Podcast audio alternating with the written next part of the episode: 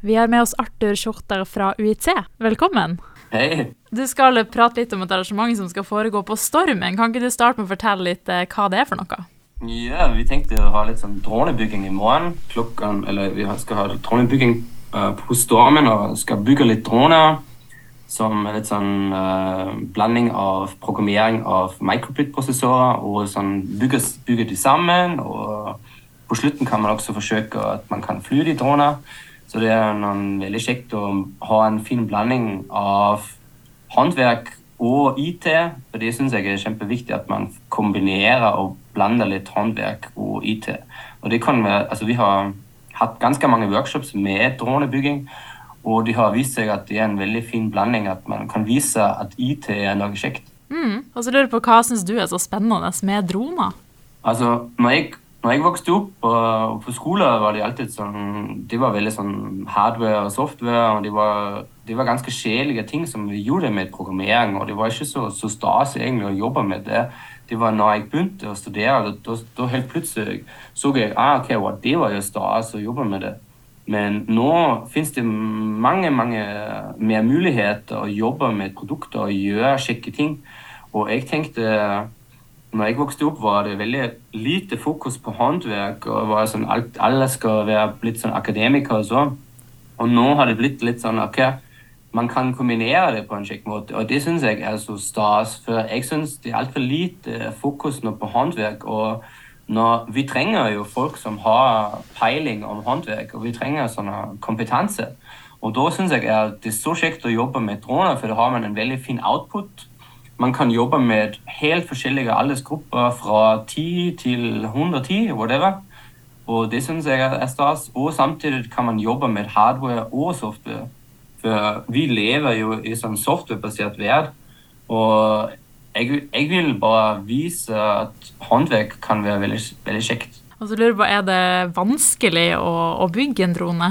Altså, generelt finnes det finnes så mange forskjellige varianter av droner. og den dronen som vi bygger, er egentlig ganske lett å bygge. Og man ser jo når vi har sånne workshops på, på skoler, er det jo ofte tiåringer, elleveåringer som har det ikke vanskelig. Det er ofte mer når jeg, sitter, når jeg satt der første, første gang, da hadde jeg mer, større problemer å bygge den enn uh, visse personer som var åtte år. Så det er litt sånn, uh, om man har litt sånn erfaring eller hvordan man gjør ting, eller bygger litt ting sammen, er det egentlig ikke så vanskelig. Det handler litt mer om okay, om man er gira og, og, jobber litt med sånne ting. Og litt sånn ja, skruer litt ting sammen. og er litt sånn nysgjerrig på ting. og så Generelt er det ikke de trådene som vi bruker fra, fra MakeKit, denne bedriften er veldig bygd for å ha veldig kjekke workshops på alt mulig rart. Så det er jo ikke så vanskelig. Men det finnes veldig mange forskjellige droner som kan være litt vanskelig å bygge. det er klart.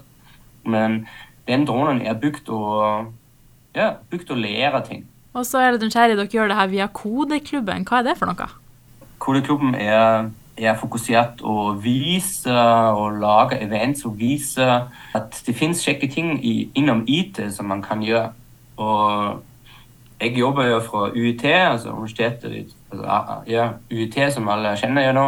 Og vi har jo en liten campus her i byen også, og vi forsøker med et samarbeid med Kodeklubben å lage sånne events. Så jeg, jeg, er ganske mye på skoler med forskjellige og lager sånne events også, og har alltid hatt sånne små workshops på Stormen. Og jeg syns det er bare kjempeviktig at vi kan ha flere sånne events. For, meg er det veldig viktig. Vi snakker så mye om folk som har den kompetansen. Og derfor er det kjempeviktig å ha mer at man begynner tidlig. At man viser ITR IT det som vi trenger. Og så lurte jeg litt på, Merker dere liksom en økning i popularitet i interesse av drone?